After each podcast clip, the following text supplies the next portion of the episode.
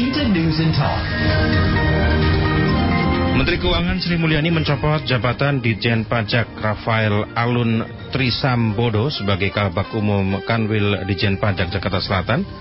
Dua, hal ini merupakan buntut dari perilaku anaknya yang kerap kali memamerkan harta kekayaan di media sosial sampai melakukan tindakan perpeloncoan dan juga kekerasan.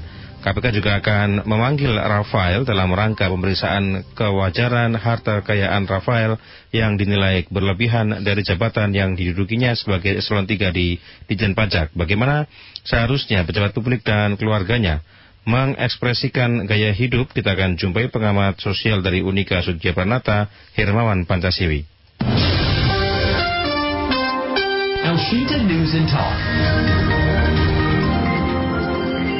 Kejadian Pak uh, Bambang, uh, Pak Heng sebenarnya kejadian yang terjadi di apa namanya yang ada di uh, Jakarta ini kan menampar muka publik ya, artinya pejabat juga, publik juga terkaget juga dengan kejadian ini bahkan yang terjadi kemudian adalah perilaku anak yang melakukan kekerasan. Apa yang kemudian bisa disoroti dari hal ini, Pak Heng? Ya, uh, masyarakat kita ini kan masyarakat yang salah satu sifat buruknya dari ada beberapa sifat baik tentu. Hmm. itu adalah masyarakat yang eksibisionistik ya. Suka pamer. Suka pamer. Suka pamer. Dan, dan itu itu betul. Apa yang dilakukan oleh uh, Mario misalnya hmm. adalah dia naik sepeda motor besarnya itu keliling-keliling hmm. dan sebagainya dan bergaya seperti itu. Dan biasanya biasanya yang dilakukan yang suka lebih suka pamer itu lebih pada orang keluarga, anggota keluarga, anggota keluarga dari para pejabat itu. Kalau ini dikaitkan dengan pejabat ya. Mm-hmm. Jadi apakah itu istrinya, anak-anaknya dan sebagainya. Dan karena apa? Karena sebetulnya pamer atau eksibisionisme, eksibisionisme itu sesuatu yang memberikan jawaban atas atas kebutuhan, atas keinginan dan sebagainya sebagai sebagai untuk menunjukkan eksistensi atau keberadaan mereka. Jadi inilah sebetulnya yang yang terwujud dari dari apa yang muncul dari dari peristiwa di Jakarta itu. Dan ini sebetulnya bukan yang pertama, ada banyak juga peristiwa-peristiwa serupa. Peristiwa serupa hanya saja ini menjadi viral dan menjadi sangat menjadi topik topik yang sangat sangat hangat karena apa? Karena memang uh, menurut saya apa yang dilakukan oleh Mario itu keterlaluan. Mm -hmm. Uh, Pak Henry menyampaikan ada uh, perilaku-perilaku yang serupa uh, selama ini, namun yang terpublik adalah perilaku yang uh, yang Rafael ini di media sosial. Sebenarnya perilaku yang serupa yang sering terjadi atau yang Pak Heng amati yang seperti apa, Pak? Begini, misalnya satu contoh konkret pengalaman saya misalnya. Yeah. Apa namanya ketika dulu waktu saya belajar di Jakarta misalnya di UI itu, uh -huh. saya waktu menulis tesis itu saya sudah tidak kuliah, saya sering mengantarkan satu teks di Rawamangun begitu ya. Mm-hmm. Dan di sana saya akan melihat bagaimana ibu-ibu ke dalam kelompok tertentu itu berkumpul lalu apa pengalaman di luar negeri, berlibur, lalu menceritakan kemewahan-kemewahan dan sebagainya. Mm-hmm. meskipun di sebelah lain saya lihat juga ada pembantu, pembantu kelompok pembantu rumah tangga yang sama-sama mengantarkan anak TK di situ ya saya kira. Mm-hmm. Nah, ini satu contoh bagaimana sebetulnya rasa pamer dari dari sesuatu yang didapatkan oleh suami atau oleh pencari nafkah dalam keluarga itu itu dilakukan oleh mereka anggota-anggota keluarga itu. Jadi mm-hmm. jadi hanya saja memang mereka hanya se, sebatas bukan sebatas sebatas cerita yang dengan tinggi-tinggi dan sebagainya seperti itu. Mm-hmm. Dan sampai penganiayaan seperti yang dilakukan Mario. Tapi kan lumrah ya, kalau semisal lumrah tidak ya, sebenarnya kalau kemudian kita pamer, tapi kemudian uh, harta yang diperoleh dari suami, semisal yang seperti ibu tadi atau dari ayahnya atau dari dia sendiri, itu diperoleh dari jalur yang benar, semisal. Memang wajar, ga, dia memang seorang pengusaha dengan apa namanya gaji atau penghasilan take home pay yang cukup tinggi sehingga dengan ukuran gajinya memang dia selama satu bulan itu layak untuk mendapatkan harta yang dia dapatkan. Ini lumrah tidak sebenarnya? menjadi kaya menjadi kaya itu bukan dosa dan bukan kesalahan. Iya. Kita sama-sama tahu itu. Iya. Tetapi ketika ketika itu lalu dipamerkan secara berlebihan, itu punya efek sosial yang buruk sebetulnya. Yang pertama adalah lalu terjadi suasana kompetitif suasana hmm. kompetisi. Lalu kemudian akan terjadi pengelompokan pengelompokan pengelompokan pengelompokan masyarakat, artinya kelompok ini, kelompok itu. Lalu lalu di dalam pengelompokan itu akan muncul apa yang disebut in group and out group. Mm-hmm. Gitu? Saya, nanti akhirnya timbul sertifikasi sosial juga. Iya. Lalu terjadi nanti akan pengkotak-kotaan. Hmm. Tidak hanya pengkotak-pengkotaan yang bersifat, yang bersifat uh, perbedaan stratifikasi sosial ekonomi, artinya orang kaya miskin, tidak. Tetapi di antara mereka sendiri, entah karena apa, itu akan terjadi pengkotak-pengkotaan juga. Dan ini sebetulnya efek dari dari ketika mereka itu pamer dan sebagainya. Ya, salah satu efek ya, salah satu efek. Bukan satu-satunya efek, satu-satunya efek. Salah satu efek dari itu. Karena itu sebetulnya apa yang harus dilakukan adalah satu sikap tepos orang Jawa bilang atau tenggang rasa bahwa saya memang bisa membeli tas Hammer, memakai tas ini dan sebagainya dengan harga mahal. Tetapi, tetapi saya harus melihat di sekitar saya seperti apa dan tidak perlu secara eksibisionistik itu memamerkan ini itu dan sebagainya karena apa? Karena akan menimbulkan kalau toh bukan satu sifat iri itu akan menimbulkan juga kecemburuan sosial seperti itu. Ya, itu yang terjadi sebenarnya. Uh, artinya sebenarnya gaya hidup mewah itu yang dilarang meskipun bagaimanapun sumber harta yang diberikan itu tidak kemudian dikatakan itu wajar ataupun lumrah ya. Harusnya Betul. kita sebagai uh, manusia meskipun kita kayak dalam tanda kutip akhlaknya tetap harus dijaga, tidak pamer gitu Pak Heng. Betul, apalagi ini di Indonesia yeah. yang kita sama-sama tahu distribusi kekayaan atau distribusi pendapatan nasional itu belum belum bisa dikatakan merata. Yeah. Gap antara kaya dan miskin itu masih kuat sekali. Kalau kita bicara secara teori, gini rasio kita itu memang di bawah 40, tapi mendekati 40 yang artinya kalau di atas 40 itu buruk kan. Mm -hmm. Mendekati 40 artinya gap atau kesenjangan antara kaya miskin itu kuat sekali sehingga sehingga ketika orang ada orang secara eksibisionistik pamer kekayaan dan sebagainya itu menimbulkan rasa bukan hanya iri tapi rasa marah, rasa jengkel, rasa cemburu dari masyarakat yang lain dan ini sebetulnya satu gejala tidak sehat. Oh begitu ya. Uh, ini kejadian nggak cuma sekali ya. Kalau kita lihat sebenarnya ada juga kejadian beberapa waktu yang lalu uh, sempat juga viral sebuah mobil Brio yang kemudian ditabrak ya karena uh, mobil yang satu melawan arus agak mewah begitu. Sehingga kemudian mobil ini tabrak-tabrak akhirnya menimbulkan kejadian uh, apa namanya uh, lagi ya. Akhirnya kan ini memang uh, sepertinya buah dari kekayaan itu tidak selamanya positif terus juga akhirnya menimbulkan kesombongan begitu ya Pak Heng ya betul lain ya, bentuk-bentuk lain yang bisa misalnya satu contoh dulu. Dulu kita pernah kenal ini karena ini kaitannya dengan Pak Rafael yang orang pajak. Kira-kira saya beri contoh orang pajak yang lain kali Sambunan masih ingat ya? Ya, mm-hmm. ya itu coba bayangkan sekarang dia di dalam penjara tiba-tiba tiba-tiba dia ada di Bali nonton tenis, tenis internasional. kita itu. Itu sebetulnya ketika kita melihat itu masyarakat jadi geram. Mhm. Masyarakat jadi geram. Dan itu sebetulnya pamer pamer kekayaan sebetulnya bahwa aku bisa keluar dari penjara dan aku bisa ke Bali dan sebagainya seperti ini.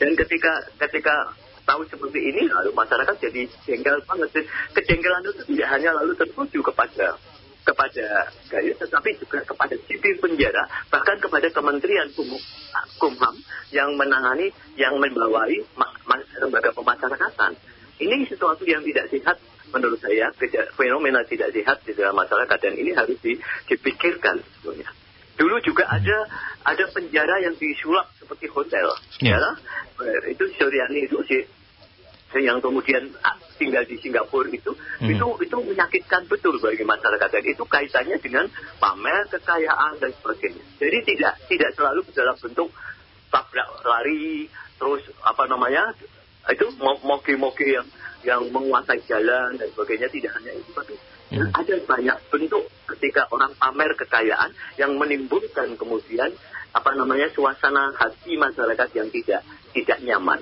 seperti ya. itu, Mas. Sepertinya uh, istilah uang yang berkuasa ini masih cukup relevan buat orang kaya, Pak. Iya, betul. Betul dan semoga benar-benar tidak mengubah mengubah sila pertama dari ketuhanan menjadi keuangan yang maha kuasa. Semoga tidak. Semoga ini, tidak. Ini yang agak susah ya sebenarnya karena memang gaya hidup orang masing-masing ketika dia harus turun grid gaya hidupnya memang agak susah ketika itu. Nah ini ya, uh, ini bagaimana upaya yang harus dilakukan agar kemudian yang kaya tetap tidak merasa sombong, yang miskin juga tidak kemudian merasa apa namanya minder begitu kira-kira. Iya, yang sebetulnya yang paling kita kawat uh, kita perlu waspadai adalah begini. Dalam sosiologi itu ada dua jenis mobilitas mobilitas, mobilitas vertikal dan mobil, mobilitas horizontal. Mm. Kalau mobilitas horizontal itu oke, okay, no problem. Mm. Tapi yang repot itu kalau mobilitas vertikal dan itu terjadi mendadak, maka perilaku orang itu adalah perilaku OKB, orang OKB. kaya baru, yeah. dan itu akan akan sangat waktu dan sangat sangat waktu dan menjawab bilang dan sebagainya dan itu akan menimbulkan gejolak-gejolak sosial. Ah, di samping itu, di samping itu begini, ketika orang itu sudah lama kaya seperti yang namanya Pak Rafael ini kalau kita mau jujur Pak Rafael ini kan sebelum jadi pegawai pajak pun sebetulnya sudah kaya karena ada unsur menantu dan sebagainya dengan Joe dan sebagainya. Yeah. Kalau sudah lama kaya persoalannya adalah dengan siapa dengan siapa uh, anaknya atau istrinya atau Pak Rafael sendiri itu bergaul. Hmm. Kemudian di situ ada suasana kompetitif atau tidak?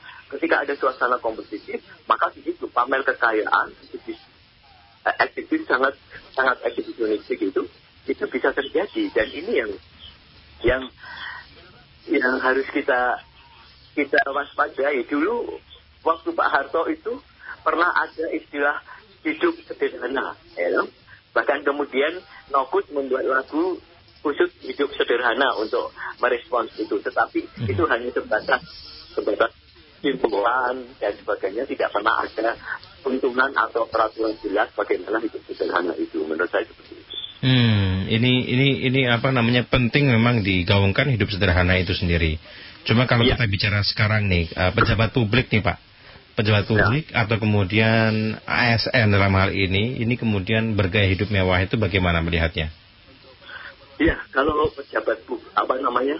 Meskipun uh, dia kaya ya, meskipun dia kaya misal. Iya, Ya, seperti saya katakan, karena milieu atau lingkungan di sekitarnya adalah lingkungan yang yang men menantang. Begini, Mas, anak saya pakai teori fisik. Seorang filsuf bernama Robert Marcus Robert hmm. Marcus pernah mengarang buku One Dimensional Man. Hmm. Manusia modern di zaman kapitalis itu seperti kaca seperti sudah diberi kacamata itu. Artinya hanya hmm. punya satu dimensi ke depan, hmm. melihat ke depan dan di depan itu apa? Di depan itu adalah iming-iming godaan iklan, godaan hidup mewah, godaan macam-macam dan sebagainya. Jadi orang mengejar ke sana. Orang mengejar ke sana. Jadi bukan yang dipikirkan orang adalah bukan memenuhi kebutuhan hidup. Karena saya percaya gaji itu bisa, tapi memenuhi selera hidup. Dan ya. selera hidup itu digoda oleh iklan. Jadi manusia itu sekarang menjadi satu dimensi. Satu dimensi yaitu hanya melihat ke depan yang digoda oleh iklan. Termasuk iklan itu dalam bentuk apa? dalam bentuk apa namanya ini panas-panasan dari teman-teman di kantor, teman-teman sepergaulan atau kelompok lain dan sebagainya. Akibatnya mereka berlomba-lomba untuk pamer seperti itu. Hmm, iya. Uh, artinya sebenarnya begini ya, pemerintah sendiri sebenarnya punya mekanisme tidak sih untuk menekan gaya hidup seorang pejabat itu untuk tidak ini Pak, untuk tidak hidup mewah kira-kira begitu? Ada peraturan pemerintah nomor 94 tahun berapa saya lupa. Ada memang tetapi ya ada sanksi satu, sanksi dua, dan sanksi tingkat satu dan sebagainya. Tetapi terus terang hal itu tidak, hal itu tidak diterapkan dengan konsisten. Karena apa? Karena keteladanan dari para pejabat pun itu anak kita sama-sama tahu apa namanya. Kita sama-sama tahu lah pejabat kita seperti itu. Kayak pejabat kita seperti itu. Apa namanya? Uh, mereka tidak bisa tidak bisa hidup merakyat gitu ya. Rata, tidak semua ya, ada juga pejabat-pejabat yang baik tentu, tapi kebanyakan di samping satu hal, yang di samping satu hal, bahwa political cost, ongkos politik itu tinggi. Ongkos politik itu tinggi ketika mereka harus menjadi pejabat, mem memegang apa namanya anggota DP, menjadi anggota DP ada sebagainya. Akibatnya apa? Mereka harus mendapatkan kembali uh, ongkos yang mereka bayar itu, dan itu berarti mereka harus mencari dengan korupsi dan sebagainya.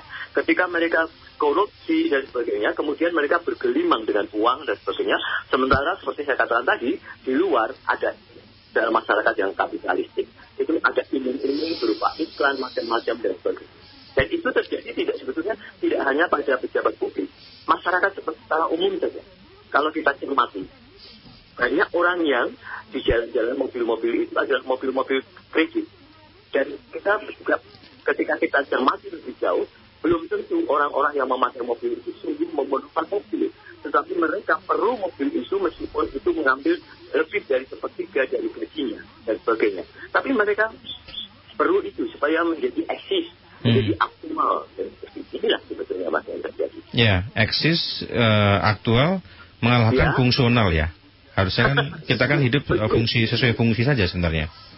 Iya, ya betul. Ya, ya betul. Jadi sebetulnya dia bisa pakai sepeda motor dan hmm. Atau mobil yang mobil yang biasa saja begitulah ya. Iya, iya. Ya ini masyarakat kita sudah itu. Kita pernah disindir oleh oleh film The God masih Crazy dulu. Hmm, ya. ya.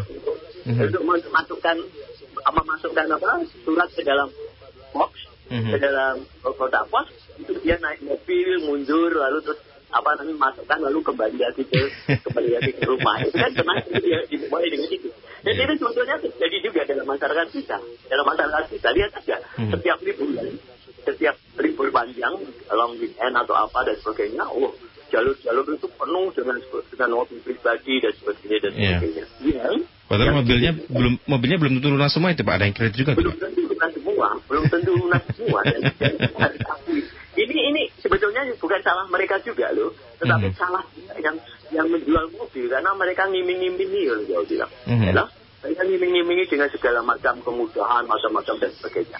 Karena itu menurut saya, menurut saya harus ada pembatasan itu. Karena terus terang ini yang terjadi efeknya itu multiplier ya, efek berganda tersebut.